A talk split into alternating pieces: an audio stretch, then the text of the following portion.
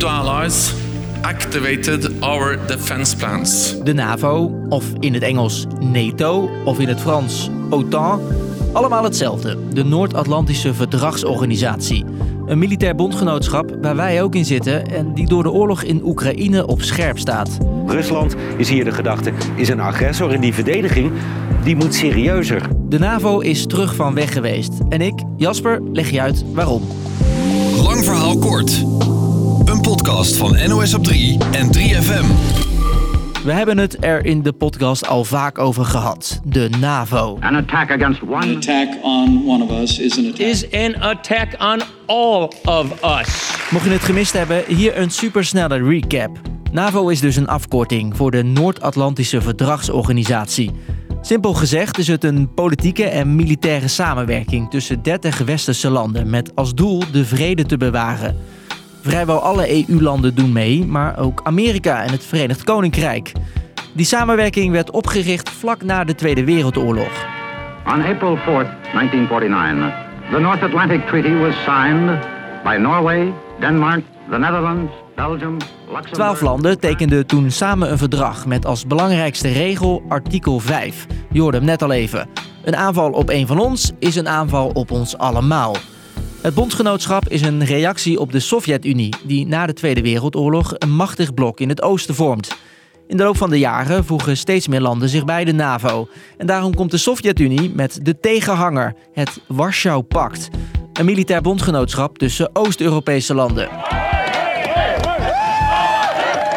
Wanneer in 1989 de Berlijnse muur valt en de Sovjet-Unie en dus ook het Warschau-pact verdwijnen, voegen ook steeds meer Oost-Europese landen die graag bij het Westen willen horen zich bij de NAVO. De jaren daarna neemt de oorlogsdreiging af, met als gevolg dat NAVO-landen minder geld in hun leger steken.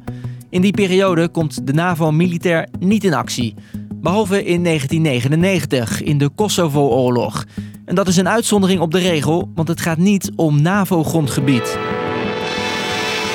Eikhoff over het zwaarste bombardement op de Servische hoofdstad sinds het begin van de En NAVO-acties. vanmiddag klonk opnieuw luchtalarm in Belgrado. De meerderheid van de toen nog Servische provincie Kosovo wil onafhankelijk worden van Servië. Er is een bloedige oorlog met burgerdoden aan de Kosovaarse kant. De NAVO steunt Kosovo en bombardeert Servië, tot woede van de Servische bondgenoot Rusland. Nog zo'n key moment, 11 september. Lots of people. There's not a plane coming down. See? Boom! Na de aanslagen in de VS wordt voor de eerste en tot nu toe enige keer artikel 5 afgekondigd. Je weet wel, een aanval op één is een aanval op ons allemaal. It shall be regarded as an action covered by Article 5 of the Washington Treaty. De NAVO hielp de VS het luchtruim te beveiligen voor het geval er nog een aanslag zou komen. In de jaren daarna lijkt een oorlog op NAVO-grondgebied ver weg. En ja, je zou kunnen zeggen dat de boel een beetje inkakt. Tot 2014. Rusland neemt het Oekraïnse schiereiland de Krim in. En NAVO-landen die aan Rusland grenzen maken zich, net als nu, grote zorgen. Zijn zij de volgende?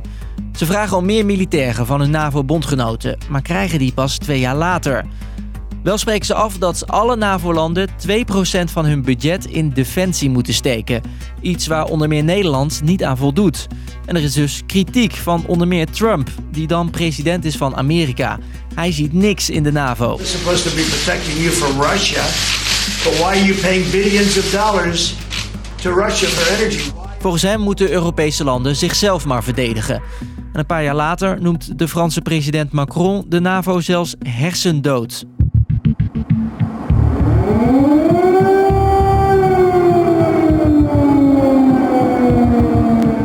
24 februari verandert dat. This is the new normal for our security. Je hoort hier NAVO-chef Jens Stoltenberg. Peace cannot be taken for granted. Als Rusland Oekraïne binnenvalt, trekken alle NAVO-landen samen op. De invasie is dan wel niet op ons grondgebied, maar Rusland rammelt wel aan de poorten, is het gevoel. Wij moeten met elkaar de eenheid bewaken en bewaren. En en je merkt ook dat iedereen dat wil. Maar ja, wat kan de NAVO dan? Militair ingrijpen, dus echt soldaten naar Oekraïne sturen, dat lijkt niet te gebeuren.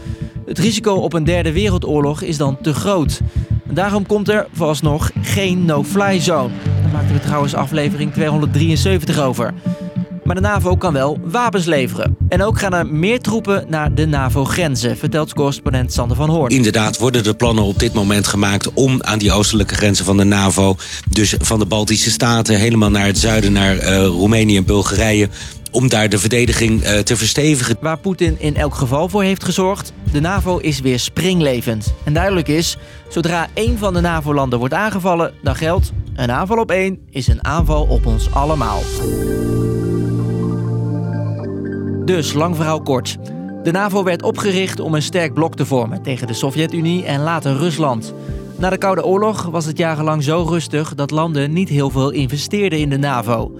Maar door de oorlog in Oekraïne staat het militair bondgenootschap weer op scherp. Dat was hem. Iedere werkdag rond 5 uur staat er weer een nieuwe podcast voor je klaar.